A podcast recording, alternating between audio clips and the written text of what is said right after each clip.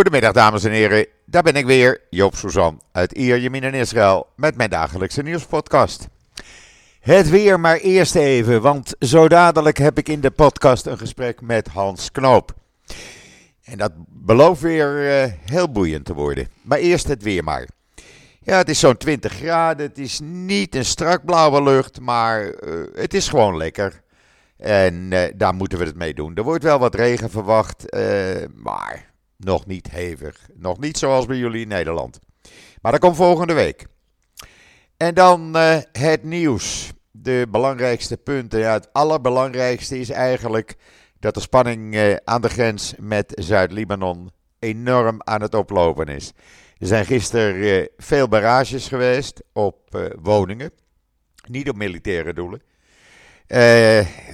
ja, Hamas of Hezbollah eh, dreigt met een escalatie. Israël bereidt zich erop voor. Uh, de persbriefing van de chef-staf heb ik gisteravond nog online gezet. Die kan je lezen in israelnieuws.nl. En die heeft dus gezegd dat uh, het leger in de hoogste staat van paraatheid is voor wat betreft Noord- Zuid-Libanon. Dat betekent dat we ja, ook binnenkort daar uh, een oorlog kunnen gaan verwachten. En ik denk dat Kobi uh, Zieger, wat hij gisteren al zei in de podcast, uh, mogelijk gelijk gaat krijgen dat de podcast met hem over Zuid-Libanon niet zondag plaats gaat vinden, maar misschien mogelijk eerder vanwege de escalatie. In ieder geval, mocht dat een oorlog worden met Hezbollah, dan zal die vele malen heviger zijn als met Hamas, wat we nu meemaken. En dat betekent ook dat een groot gedeelte van Israël onder eh, raketvuur zal komen te liggen.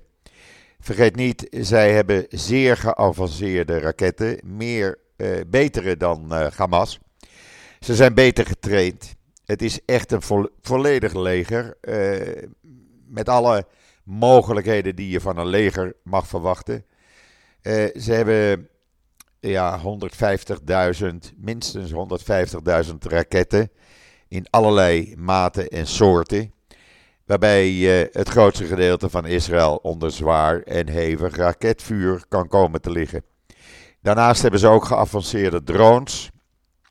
En voordat je het weet, zijn ze de grens over. Dus je moet je manschappen, wat de IDF betreft, daar in de allerhoogste staat van paraatheid brengen. Dat betekent dat opnieuw duizenden soldaten uh, aan de grens met Libanon uh, staan.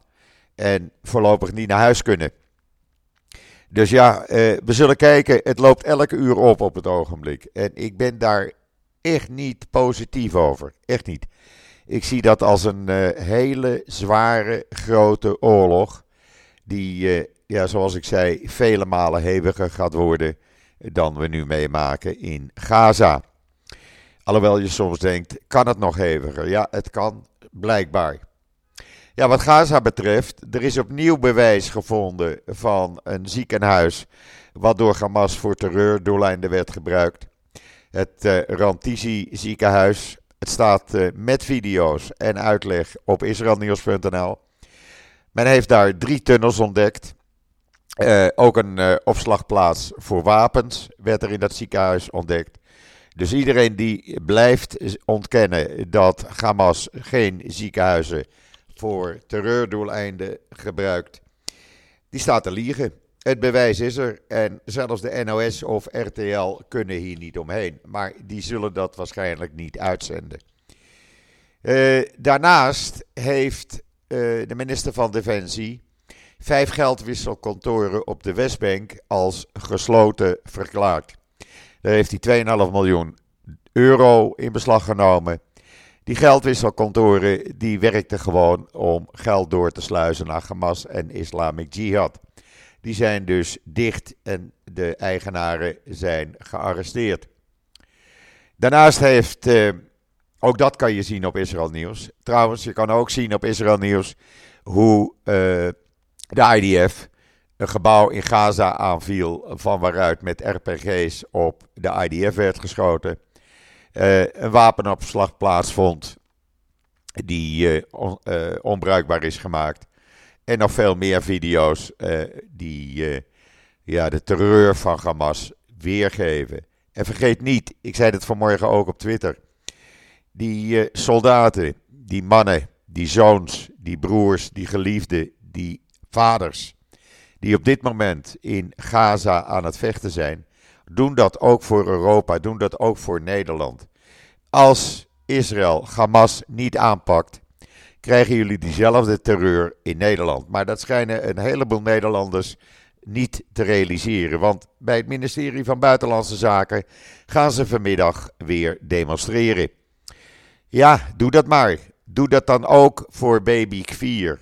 11 maanden oud, 3 maanden in handen van Hamas. Maar daar durven jullie niet voor te demonstreren, stelletje hypocrieten. Dat prachtige gezin, wat al bijna drie maanden, volgende week drie maanden, in handen van Hamas is. Daar wordt niet meer over gesproken in Nederland. Nou, hier wel. Wij vergeten ze, vergeten ze niet. En zo was er ook een vader van een van die gijzelaars, die uh, naar het El Al-toestel ging, wat gisteravond naar India vertrok. En voordat het vertrok, uh, sprak hij met de bemanning. Waarom? Omdat zijn zoon, die gegijzeld is, gisteravond zijn wereldreis zou beginnen na zijn diensttijd. Maar hij zit niet op die vlucht, want hij is in handen van Hamas, als hij nog leeft. En wat hebben we nog meer voor nieuws? Nou, we hebben nog meer nieuws, want uh, volgens een artikel in Haaretz uh, blijkt dat uh, de, de, zeg maar de, de handler van Shimbet, de man die Shimbet van informatie vanuit Gaza voorzag, de Shimbet had gewaarschuwd, volgens Channel 12, dat Hamas bezig was met voorbereidingen om begin oktober een grote aanval op Israël uit te voeren. Die informatie is uh, gepasseerd, die is naar het lagere echelon gegaan, heeft het hogere echelon niet bereikt. Waarom niet, dat weet men niet, maar is men nu aan het uitzoeken. Ja, dat zijn opnieuw, is opnieuw een bewijs van een grote fout die er toch gemaakt is, kan je dan zeggen. En dan hebben we nog dat. Uh, uh, even kijken. Israëli's op de Westbank. Die horen de laatste tijd, vooral s'nachts, het geluid van boeren. Het geluid alsof er tunnels worden gegraven. Ze liggen te trillen in hun bed. Het staat in de Jeruzalem Post. En hebben de IDF daarvan op de hoogte gesteld. De IDF is dat aan het onderzoeken. Het zou me niet verwonderen als er inderdaad tunnels worden gegraven onder de uh, Westbank door richting Israël. Kunnen we er ook nog wel bij hebben. En dan is het uh, oorlogskabinet in crisis. En waarom is dat in crisis? Omdat meneer Ben-Gvir, de extreemrechtse minister, het nodig vond de gevangenischef te ontslaan. Want hij vond dat ze te zacht optraden, de gevangenisbewaarders, tegen de aan Hamas gelieerde gevangenen. Nou, daar had hij helemaal geen toestemming voor van Netanyahu. Dus dat is uh, bonje in de tent, laten we het zo maar even noemen. En dan uh, heeft de IDF voorgesteld om onder de grensdoorgang met Rava een grote betonnen barrière te bouwen. Met allerlei apparatuur, uh, waarschuwingsapparatuur ingebouwd. Want dat zou de lifeline van Hamas afsluiten. Want Hamas heeft blijkbaar, zoals de feiten nu liggen, de meeste wapens via deze ondergrondse tunnel aangevoerd. Vanuit de, de Sinai, de Egyptische Sinai, via Rafah naar Gaza toe. Nou, als je die afsluit, dan heb je die lifeline dus ook afgesloten. Eh, misschien is het te laat, maar beter te laat dan nooit, zullen we maar zeggen. En dan eh, de Israëlische deelnemers aan die uh, uh, milieuconferentie, de GOP28, die onlangs in Dubai plaatsvond, die zeggen dat er weinig ruimte voor optimisme is. Dat is een ander geluid als wat je in Nederland hoort. Maar uh, ja, ze zien het niet zo zitten. Ze zeggen, die hele conferentie die werd, sta, was eigenlijk in handen van grote oliemaatschappijen. Die hadden het daarvoor het zeggen. En ja, het feit dat het in een van die Arabische landen werd gehouden, gaf natuurlijk ook al te denken. En dan, ja, er is een, een bom onder het Hoge Rechtshof. Nou ja, geen echte bom. Maar het blijkt dat er een ontwerpuitspraak ligt van het Hoge Rechtshof. Waaruit je zou kunnen opmaken dat het Hoge Rechtshof van plan is. Die belangrijkste wet op de gerechtelijke herzieningen.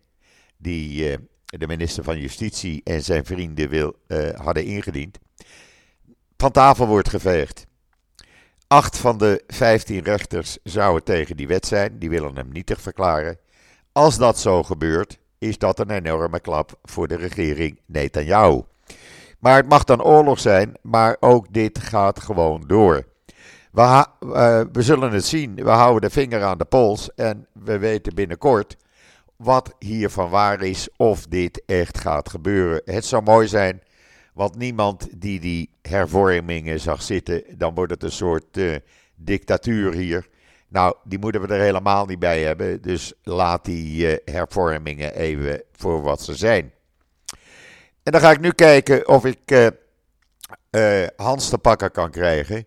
Want veel ander nieuws is er op dit moment niet. Ja, het is constant nieuws over Hezbollah. Het is constant nieuws over Hamas. Daar wordt enorm hevig gevochten. Ik zag nu ook een van de bewoners die al dik in de 50 is een uh, vrij hoge officier van de IDF, zag ik de dienst ingaan. Ik heb hem uh, succes gewenst en ge gezegd dat ik hoop hem gezond uh, terug te zien. Hij is een van de fight it, dat wil zeggen een van de mensen die over het onderhoud van het gebouw gaat. En ja, hij ging bepakt en bezakt met zijn geweer, zijn machinegeweer, zijn rugzak en zijn grijze haren. Want hij is dus in de 50 ging hij de dienst in. Voor hoe lang weet ik niet, heb ik niet gevraagd. Maar ik weet wel, uh, dat zei hij me wel, dat hij richting Gaza ging. Ja, iedereen moet meedoen en hij doet het vrijwillig. Uh, want hij hoeft niet in dienst, maar hij wil het land niet in de steek laten. En zei: Joop, ik ga mijn plicht doen. Ja, iedereen doet zijn plicht. Ik hoop dat ik morgenavond ook uh, een van de zoons van Michel weer gezond en wel terugzie. Ik moet straks mijn uh, zwager bellen en kijken hoe het met zes, zijn zes kleinzoons uh, gaat. Elke dag sterven er twee, drie militairen die sneuvelen. Vanmorgen weer, dan word je wakker. Dan zie je het bericht, weer drie soldaten gesneuveld. Jonge mensen, hun leven verwoest. En uh, ja, zo gaat dat elke dag. Het is verschrikkelijk, echt waar. Het is echt verschrikkelijk. En nogmaals, als dan die oorlog met Hezbollah er nog bij komt, ja, dan kunnen we echt onze borst nat maken. Maar goed, het is wat het is. We kunnen niet anders als terugvechten. En we vechten ook terug. Met mannenmacht, met iedereen. Eh, wat, ik wel, wat mij wel opvalt, is dat ik nu ook weer eh, de shoppingmall vol zie met mensen. Uh, mensen willen er toch even uit, al is het maar een uurtje. Je bent even uit het nieuws. Uh, je bent even in een andere omgeving en dat is dan je enige uitje. Nou, als die uh, mensen dat willen, prima. Het is niet mijn uitje. Ik ga liever even met mijn hondje lopen. Maar goed, duizenden mensen vinden het heerlijk om even een uur, twee uurtjes die shoppingbol in te gaan. Even te slenteren, een kopje koffie of thee te drinken, een hapje te eten prima. Ik heb er voor vanavond maar verwend met een lekkere, dikke, grote steak. Ik denk, je weet het maar nooit. Uh, als morgen Hezbollah met zijn raketten begint te schieten, dan zit er voorlopig geen steek meer in. Dus ja, dan uh, moet je de kans waarnemen als het kan. Goed, ik ga nu Hans even bellen. En dan ben ik met een seconde bij jullie terug. Momentje graag. En de techniek staat weer voor niks, want ik heb Hans Knoop in Amsterdam aan de telefoon. Hans, goedemiddag. Dag Joop. Hans, eh, er zijn een paar onderwerpen waar we het over gaan hebben. Eh, ten eerste uh, het Auschwitz-comité, wat gevolgd werd of is door de Binnenlandse Veiligheidsdienst.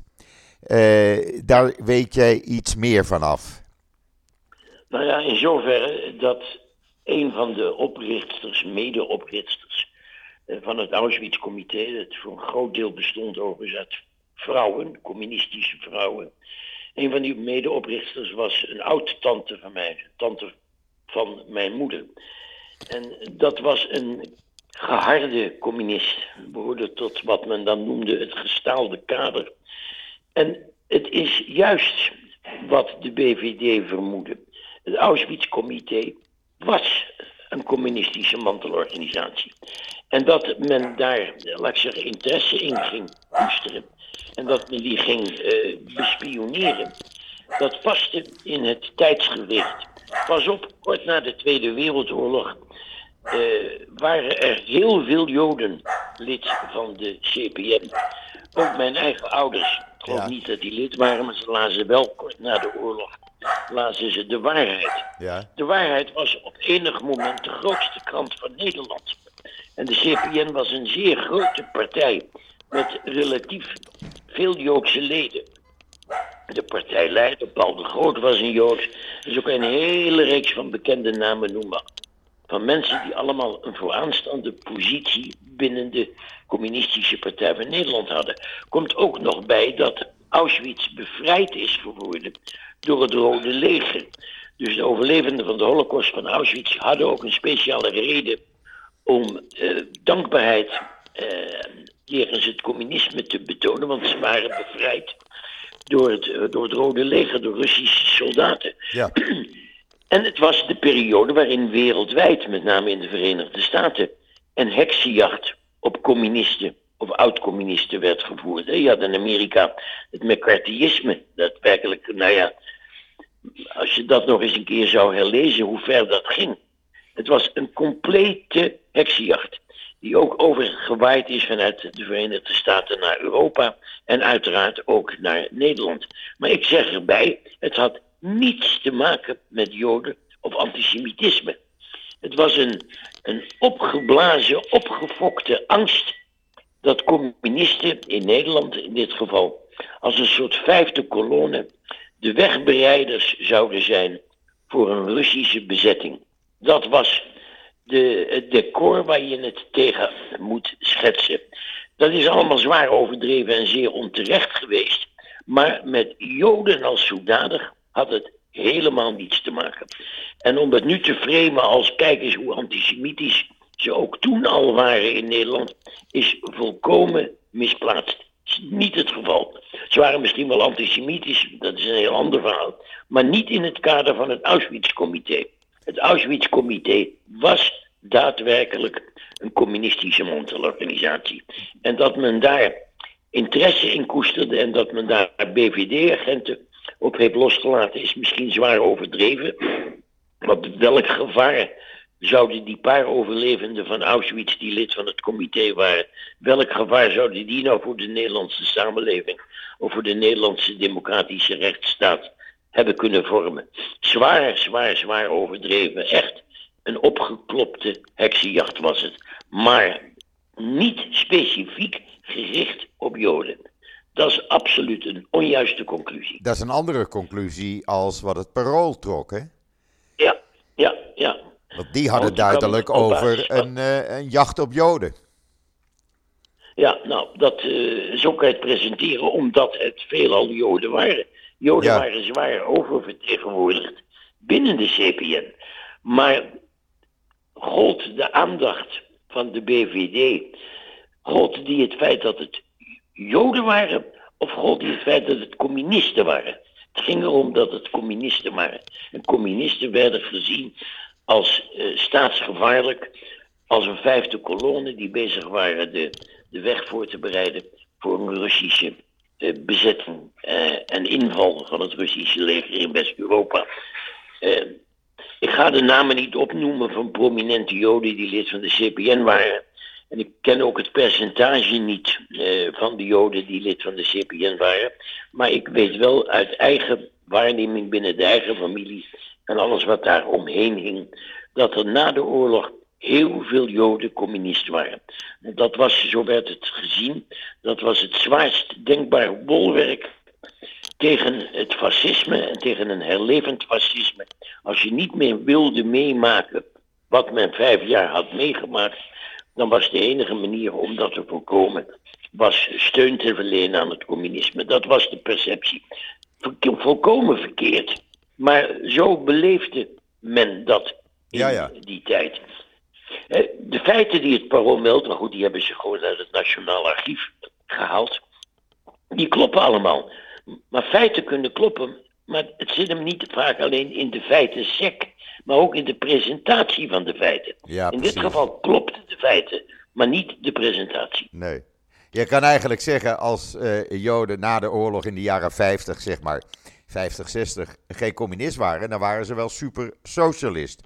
Want ik kan me herinneren, mijn eigen oma, de moeder van mijn moeder, die zong elke morgen uh, uh, op de radio was dan uh, werd een, de internationale gezongen ja, op de Vara ja, en zij zong dat luidkeels mee elke morgen.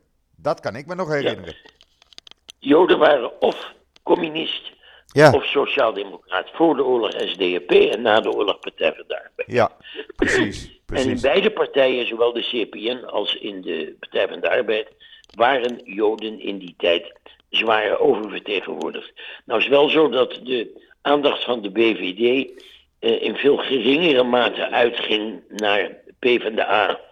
Uh, dat was toch de regeringspartij ook na de oorlog. Dus dat viel wel mee. Maar de CPN werd zeer nadrukkelijk gezien als uh, een verraderlijke beweging die uh, in opdracht van uh, de communistische partij van de voormalige Sovjet-Unie bezig was de weg voor te bereiden voor het Rode Leger om, om hier binnen te wandelen. Dat was De, de perceptie. Dat gold natuurlijk niet voor de Partij van de Arbeid. Nee. En dan hebben we nog iets wat vanmiddag eigenlijk plaatsvindt. Uh, dat is weer die demonstratie die dan elke donderdag gaat plaatsvinden bij het ministerie van Buitenlandse Zaken van ambtenaren van Buitenlandse Zaken. Ja, daar heb ik ook een opvatting over, Joop. Ja. En neem me niet kwalijk uh, dat ik me hierover uitspreek. Nou, nee. We hebben, erover we hebben erover gesproken. En ja. uh, jij mag je mening zeggen. Of ik wil jouw nou, mening mijn horen. Mijn mening is een hele simpele. Ik vind uh, dat ambtenaren demonstreren tegen het beleid van hun minister, vind ik principieel onjuist. Dat zouden ze niet moeten doen. Uh, ambtenaren moeten zich onthouden van openbare manifestaties, pro of contra, ja. wat dan ook. Precies. Dus fout. Maar, ik zeg er iets bij. Ja. Het is geen punt die ik zet, maar een komma. Jij en in je podcast de andere mensen die je daarin uh, uitnodigt, zouden er geen probleem mee hebben gehad. Als diezelfde ambtenaren dit deden in pro-Israëlische zin. Als ze gingen demonstreren op de stoep van het ministerie, bijvoorbeeld tegen BDS en voor Israël, dan zou je van het feit dat het ambtenaren waren, zou je geen probleem maken. Jawel. En hetzelfde Jawel. Jawel. Nee, natuurlijk. Jawel. Natuurlijk. Ik, vind, ik vind namelijk, ik ben heel simpel. Uh, als je ambtenaar bent, hoor je je als ambtenaar te gedragen in je werk. En je gaat niet demonstreren tegen je eigen minister. Welk beleid uh, hij of zij ook uitvoert. Dat doe je niet als ambtenaar. Dat geldt, voor, dat, geldt, dat geldt voor de ambtenaar. Maar voor jou en voor ons Joden geldt dat wij, dat noemde de oud-minister van Buitenlandse Zaken Luns, noemde dat selectieve verontwaardiging. Wij zijn selectief verontwaardigd.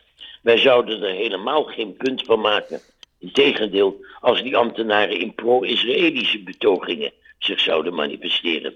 En we zouden het niet erg vinden als de, de hal van het Centraal Station met een sit-in zou worden geblokkeerd door demonstranten die achter Israël zouden staan. Dan zouden we daar geen schande van spreken, Joop. Laten we eerlijk blijven. Nou, nee, ik, ik, ik, ik blijf principieel. Als ambtenaar moet je je als ambtenaar gedragen. Klaar. En dan ga je niet onder werktijd demonstreren. Dan ga je niet een uur lang eh, tijdens je lunchpauze op de stoep staan, uh, staan schreeuwen. Of dat nou voor of tegen Israël is, dat maakt mij verder niet uit. Maar je moet niet gaan demonstreren als ambtenaar. Klaar. Ja, dat Heel is, simpel. Dat is op zich al een discussiepunt. Want ambtenaren hebben niet minder rechten dan, dan niet-ambtenaren. En het recht op vrijheid van meningsuiting en het recht op, op demonstratie en manifestatie geldt ook voor ambtenaren. Iets anders is, ze moeten wel, ongeacht hun eigen opvatting, loyaal het beleid van hun minister uitvoeren. Dat is een andere zaak. En daar kan je dan vraagtekens bij zetten. Want uh, iemand die demonstreert tegen zijn eigen minister, voert hij dan het beleid van zijn minister nou ja, uit? Dat, uh, de proof of the pudding is in the eating. Tot dusver is niet gebleken dat er sprake is van obstructie, dat ze het beleid van hun minister obstrueren of weigeren uit te voeren. Dat is natuurlijk een brug te ver, dat kan niet. Nee. Een ambtenaar dient loyaal te zijn aan zijn minister. Precies. Ongeacht de vraag of hij het met het beleid van die minister eens of oneens is. Ja. Hij dient dat beleid uit te voeren. Maar hij mag wel naar buiten toe laten blijken wat hij ervan vindt. Het is misschien niet erg gepast, maar het mag wel. De- Laat ik zeggen, de, de vrijheid van meningsuiting en het recht op demonstratie eh, wordt hem niet ontzegd aan een ambtenaar. Hij mag wel degelijk uiting geven aan zijn privéopvattingen, zolang hij het beleid als ambtenaar van zijn minister maar loyaal uitvoert. Maar mag hij dat ook doen onder werktijd? Mag hij dat doen onder werktijd? Eh, dat weet ik niet. Van mij wel, maar ik weet niet of, of daar een verbod, of er een verbod is. Nee, nee. Nee, ik, ik- luister, eh, eh, de februari-staking in Amsterdam, eh, die is begonnen eh, door communistische medewerkers van de gemeente Amsterdam. Ja. Dat waren ambtenaren, Joop. Ja. Dat waren ambtenaren. De vuilnismannen die de tram tegenhielden in de Lekstraat bij het uitrijden, dat waren gemeenteambtenaren. Eh, en die deden dat overigens ook in werktijd. Eh, ieder jaar herdenken we deze heldendaad. En ik heb nog niemand horen zeggen dat ambtenaren niet mogen demonstreren. Eh, Dat is onzin. Het gaat wel degelijk om de vraag waar demonstreren ze voor of waar zijn ze tegen. Dat bevalt ons in dit geval niet. Het is meer het feit dat hun opvatting ons niet bevalt dan het feit dat ze, eh, noem het burgerlijk ongehoorzaam zijn. Want dat mogen natuurlijk ambtenaren wel degelijk, zolang ze maar loyaal het beleid blijven uitvoeren. Kijk, ik weet, ik weet zeker als daar in de hal van het Centraal Station eh, 150 Joden met Israëlische vlaggen om hun schouder zouden gaan zitten en daar Am Yisrael Gai zouden aanheffen, dan zou Joop Susan daar absoluut geen schande van spreken. Nee. Ik kan me niet voorstellen Nee. Dat je dan Dan, juich ik dat toe, dan zing ik mee als ik daar in de buurt ben. Ja, Ja. nou. Dus zeg ik, dus zeg ik, is het selectieve verontwaardiging. Ja, ja. Maar deze, dit, dit zijn geen ambtenaren hè, die in de Centraal Station staan eh, of, of zitten. Nee, akkoord, dat zijn geen ambtenaren, nee. nee. Dat zijn, Maar veronderstel dat, eh, veronderstel dat de ambtenaren van het ministerie van Buitenlandse Zaken, die overigens al sinds de oprichting van de staat Israël, sinds 48, eh, nou niet bepaald overlopen van vriendschap richting Israël. Het hele ambtenarenkorps van Buitenlandse Zaken is sinds 48 eigenlijk altijd tegen eh, het intensiveren van de relaties met Nederland geweest. Ja. Ze hebben in 48, toen Israël opgericht werd, hebben ze ook negatief geadviseerd aan de toenmalige minister om Israël te erkennen. Nederland is ook zeer laat geweest met de erkenning van Israël. Dat is allemaal het gevolg van de invloed en de houding van die hoge ambtenaren die het eh, schadelijk voor Nederland vonden om te pro-Israël te zijn. Want dat zou gaan ten koste van de oliebelangen, ten koste van de positie van de, de haven van Rotterdam. Er zouden wel eens boycotts vanuit de Arabische wereld naar Nederland kunnen worden afgekondigd. Is ook gebeurd. Hè? Na de zes, na de Yom Kippur-oorlog is er een olieboycott van Nederland geweest. Nou, daar hadden die ambtenaren hadden daarvoor gewaarschuwd. Die hadden gezegd, jongens, kan het niet een tandje minder met onze sympathie voor Israël? Want het gaat ons uiteindelijk opbreken. Nou, dat, dat is ook gebeurd. Je kan jezelf afvragen, Joop, of het niet hun taak is als ambtenaar om ook de minister te wijzen op de risico's van een bepaald beleid. ja, Uiteindelijk staan ze daar voor het belang van Nederland. Ze zijn ambtenaar, dienen het belang van Nederland, niet het belang van Israël. Nou ja, dat heeft sinds 48 regelmatig tot wrijving binnen dat ministerie aanleiding gegeven. Er waren een aantal zeer pro-Israëlische Nederlandse ambassadeurs. Die zijn er geweest, maar er waren ook een aantal hele kritische ambassadeurs. Uh, het, is, het heeft altijd binnen dat ministerie, binnen het ambtenarenkorps, met betrekking tot Israël, heeft het gegist. Ja. het is niet nieuw. We zien dat in de stemming hè, in de Verenigde Naties, hoe er gestemd wordt. En vooral de laatste tijd is dat duidelijk merkbaar. Ja, ja. maar dat doet natuurlijk een ambtenaar en ook een ambassadeur bij de Verenigde Naties niet op eigen titel. Ook dat is het uitvoeren van het Nederlands beleid. Hij krijgt zijn instructies van het departement in Den Haag. Ja, ja. En moet dat dan in Amerika binnen de VN uitvoeren. Het is niet de ambassadeur bij de VN die bepaalt of er voor of tegen een bepaalde resolutie gestemd wordt. Dat komt van de minister, of in ieder geval van de allerhoogste ambtenaren rond de minister. Die, hem, van de, van die de, minister de adviseren. Nee, die de minister adviseren. En er was er nog één eh, onderwerp wat jij, eh, eh, waar jij over wilde praten. Als ik het juist heb. Eh, Zeg het eens. eh, over de demonstraties in de treinstations. Ja, nou goed, ik, eh, ik stoor me daar niet aan, misschien omdat ik niet per trein reis. Ik kan me niet heugen dat ik ooit in de trein gezeten heb. Ik heb een hekel aan treinen. Ik associeer ze met Westerbork, dus dat is nou weer mijn tik. Ja, dat mag. Ik zou me er niet aan storen als ik eh, de hal van het Centraal Station binnenloop en er zitten daar 150 eh, mensen op de grond te demonstreren. Nou, dan eh, loop ik een stukje om. Ik, vind dat dat, ik vind dat dat moet kunnen. Maar ik zeg erbij, wat natuurlijk bij jou en bij velen onder ons een extra lading geeft, is dat het anti-Israël demonstraties zijn.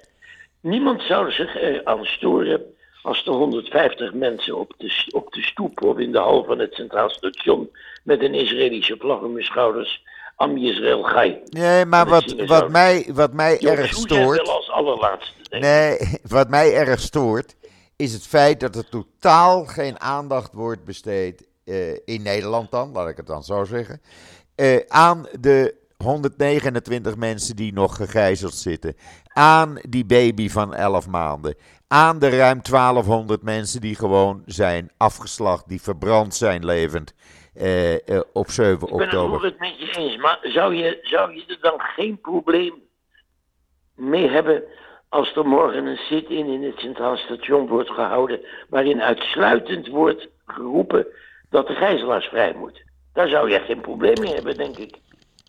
Nee, krijg ik- niet echt. krijg ik niet te horen dat het niet Nee. te pas komt. Niet echt. Want ik vind, te blokkeren. Nee, ik, oké, maar ik vind het nu eenzijdig. Ik vind het een eenzijdige demonstratie. Joop, laten we nou reëel zijn. Iedere demonstratie, over welk onderwerp dan ook, Ja, is per definitie eenzijdig. dat is waar. Iedere demonstratie, over Ja. welk onderwerp. Wil je me zeggen dat die jaren durende anti-Vietnam demonstraties tegen Amerika gericht, dat die niet eenzijdig waren? Ik heb nog nooit van mijn leven een demonstratie als journalist bijgewoond die niet eenzijdig was. Nee. Daar is een demonstratie voor. En dan ook nog, Dat is niet de plaats voor genuanceerde eh, opmerkingen Nee, en nee, nee. kanttekeningen. nou, maar het is een hele duidelijke, het is een hele duidelijke uitleg. En dan nog één dingetje eh, eh, waar ik het toch met jou over wilde hebben. Dat we hier langzamerhand richting een oorlog met Hezbollah gaan. Jij hebt een Ja. enorme ervaring, een schat aan ervaring in het Midden-Oosten als journalist. Zie jij dat ook zo?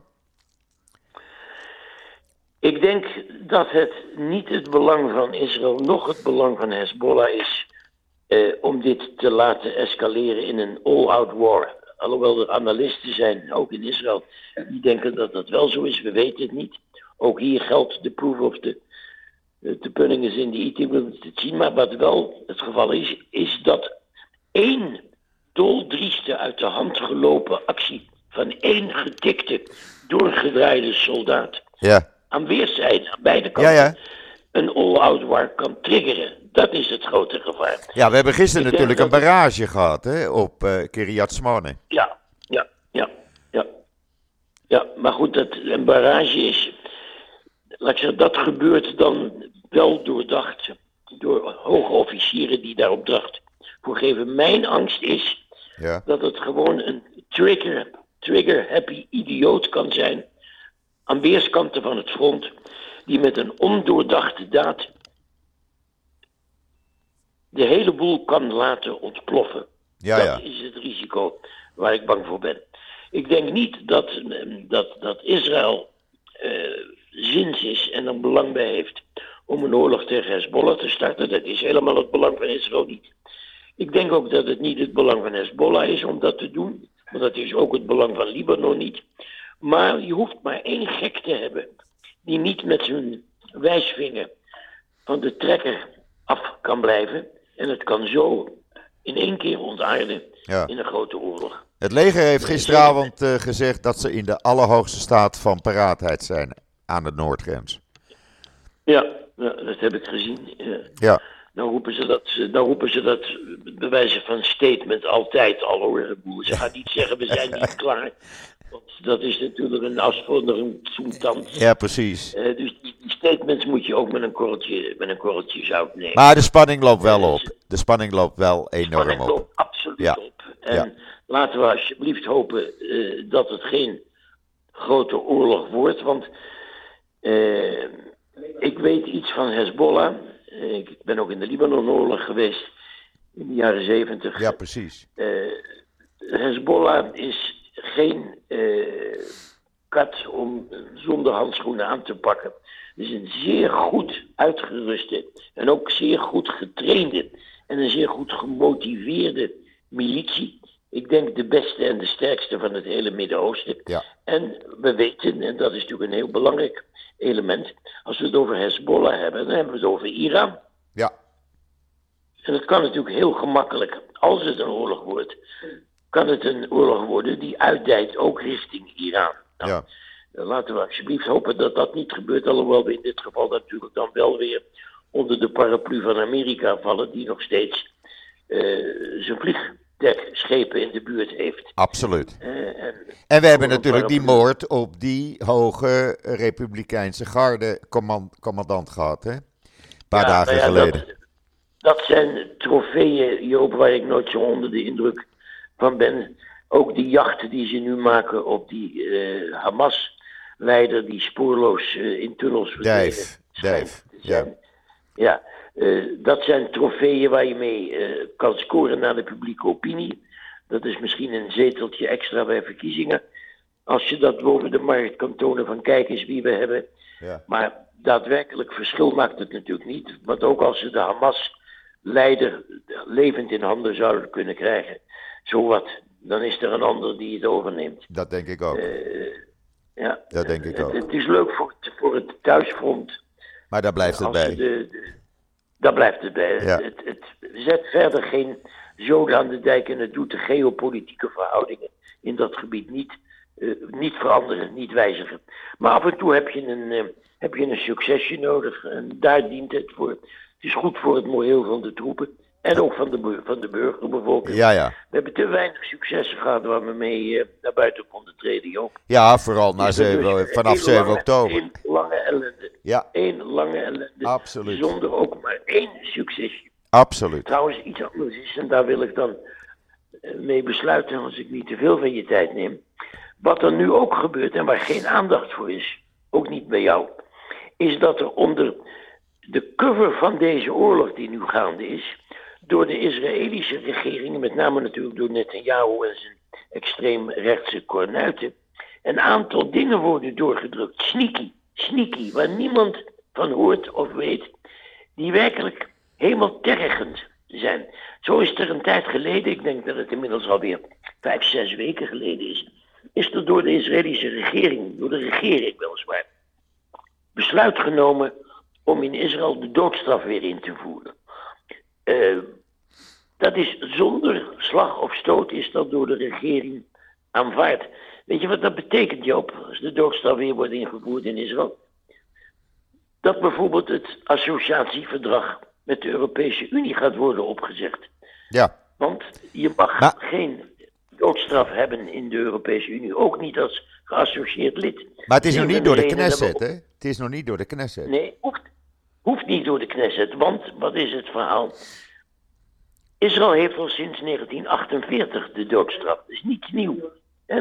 Aha, Ze ja. hebben dan tot, duskeer, tot dusverre maar één keer voltrokken. Dat is alleen in het geval van Eichmann, Eichmann, geweest. ja. Maar ze hebben hem al sinds het bestaan van de staat. Alleen de doodstraf werd nooit meer opgelegd. En dus ook niet uitgevoerd. Maar ze willen hem nu wel gaan opleggen en uitvoeren. Maar let op, alleen voor Palestijnen in Israël. Niet voor Joden. Nou, neem me nou niet kwalijk, Joop, als je in één land een aparte wetgeving voor de ene groepering en voor een andere groepering van de bevolking hebt, dan moet je niet gaan piepen als mensen zeggen dat is apartheid. Want dat is apartheid in de meest pure vorm. Ja, Twee verschillende rechtssystemen voor twee verschillende Nou, dat kan niet. dat kan niet. Eh, dat kan niet. Maar het is zonder slag op stoot en zonder noemenswaardige oppositie. Gewoon op een sneaky wijze is het er doorheen gekomen. En zo gaan er verschillende dingen gebeuren. Waarvan je pas achteraf te horen krijgt dat ze gebeurd zijn. Ze hebben trouwens gisteren, heeft, eh, ik weet niet welke minister het was. Ik geloof dat het eh, de minister van Justitie was. Die ook die, eh, dat voorstel heeft ingediend binnen de regering om de doodstraf weer in te voeren. Maar hij heeft ook gisteren of eergisteren geroepen dat men niet moet denken dat als deze oorlog voorbij is, dat dan ook die hervormingen voorbij zullen zijn. Want die gaan gewoon onverminderd door. Ja, Dus wacht even. er Wacht op. even. Er is vanmorgen ge- een bericht naar buiten gekomen dat het Hoge Rechtshof die dat voorstel van tafel gaat vegen. Heb ik gezien. Ja, dus gezien. hij krijgt zijn zin waarschijnlijk niet. En dat nee, zou, maar wat is, nou, zijn. wat is nou de kern? De kern is dat deze regering het Hoge Rechtshof in feite niet accepteert. Ze accepteren het Hoge Rechtshof niet. Ze zeggen dat is een hele club van linkse pacifisten. Daar hebben wij helemaal niks mee. Daar gaat nou juist die hele rel om. Ja, Dat, dat ze het Hoge Rechtshof in feite buitenspel willen zetten. maar dat, dat is nog niet gelukt. Dus het Hoge Rechtshof heeft nog haar macht. En die kunnen Tot dus... dusver heeft het Hoge Rechtshof nog, eh, nog zijn macht. Ja. Dat is waar. Ja, Dat is waar. dus- Maar het is heel duidelijk gecommuniceerd door die minister van Justitie, Levin heet die, meen ik, dat men niet moet denken dat door deze oorlog dat hele idee van die hervormingen, dat dat van tafel zou zijn, want die gaan zodra als het laatste schot heeft geklonken, gaan die gewoon door. Ja, Dat nou ja, vandaar dat iedereen roept van er moeten nieuwe verkiezingen komen direct na de oorlog. En ik denk ook dat die, eh, dat die gaan eh, plaatsvinden meteen na de oorlog. Dus, eh, maar we gaan Ja. het zien. Ik herinner me nog, Joop, dat jij eh, op het hoogtepunt van al die demonstraties tegen die hervormingen Ja, op jouw onvolprezen podcast riep. Als die hervormingen eh, doorgaan zoals die door eh, de minister worden gepresenteerd, dan blijf ik niet in Israël. nee, Deel je dat standpunt nog steeds? nog steeds. Nog steeds. Want dan zou het betekenen dat Israël een dictatuur gaat worden. En daar, daar zit ik niet op te wachten. En met mij velen niet. En iedereen. eh, ja, het is heel duidelijk hier in het land. Meteen na dat laatste schot zullen er verkiezingen gaan plaatsvinden. Dat is wel heel duidelijk. Ik denk dat Ja. dat niet meer gestopt kan worden. Nee. Dus daar is iedereen klaar voor. Netanyahu staat geloof ik nu op, eh, op 20 zetels of zo. hè? 18. 18 nog maar. Ah, Ja. zonder voor het geld om verkiezingen te houden, zou ik zeggen. Ja, eh, maar de Likud ziet dat ook. Die, eh, die krijgt het ook al benauwd. Dus eh, Ja, dat verbaast me dat er geen, geen implosie plaatsvindt. Dat er geen, geen opstand binnen de Likud plaatsvindt. Want die man, die Netanyahu, die richt niet alleen zijn, hele, zijn eigen land naar de kloten, maar ook die partij. Nou ja, Barkat heeft natuurlijk geroepen: hè, eh, eh, ik, wil, eh, ik wil het opnemen tegen Netanyahu. Maar hij krijgt zijn zin niet. Het lukt hem niet. Ja. Het lukt hem niet. Nee, maar er zijn nog genoeg onderwerpen waar we de komende tijd over kunnen gaan praten, Hans. Dat Dan- weet je, Joop, en dan, dan, blijf je eh, steunen. Ook dan- al ben ik dankjewel. niet met je eens. Dat, maar Ja. dat mag ook. Dat moet ook. Dat moet ook. Ja, Dan wil ik nog één ding zeggen. En dan. eh, eh, jij wordt zaterdag 80 jaar. Ja. Ik vind dat iedereen jou moet feliciteren. Want niet zo lang geleden zag het daar niet naar uit. Nee. En ik wil je nog heel veel jaren, gezonde jaren, er, eh, erbij wensen. Echt waar, dat meen ik serieus. Dankjewel, Joop. Je zal er getuige van Dat zijn. meen ik Goed je serieus. weer gesproken. En ik roep iedereen op, stuur even een berichtje naar Hans komende zaterdag. 80 jaar is toch een mijlpaal. Ik laat je de respons weten. Oké. Je. Goed zo, goed zo. Hans, een goed weekend. Shabbat shalom. Jij ook. En we spreken elkaar Shabbat snel weer. Dankjewel. Dag, Joop. Dankjewel. Good work up. Oké. Ja, dat was eh, het gesprek met eh, eh, Hans. En ik vond het weer een heerlijk gesprek. Laat ik het zo maar zeggen. Wij hebben lekker gesproken. Eh, we gaan het weekend in. Laten we hopen dat het een eh, hopelijk rustig weekend eh, wordt. We zullen het zien. Mocht er iets gebeuren wat belangrijk is, Kobe Zieger staat daar ook klaar voor. Dan zullen we meteen met een extra podcast komen. Maar voorlopig houden we het op komende zondag. Ik wens iedereen Shabbat Shalom vanuit Israël. Een goed weekend. En laten we hopen op een rustig weekend. En dan zeg ik zoals altijd: ik ben de zondag weer. Tot ziens. Tot zondag.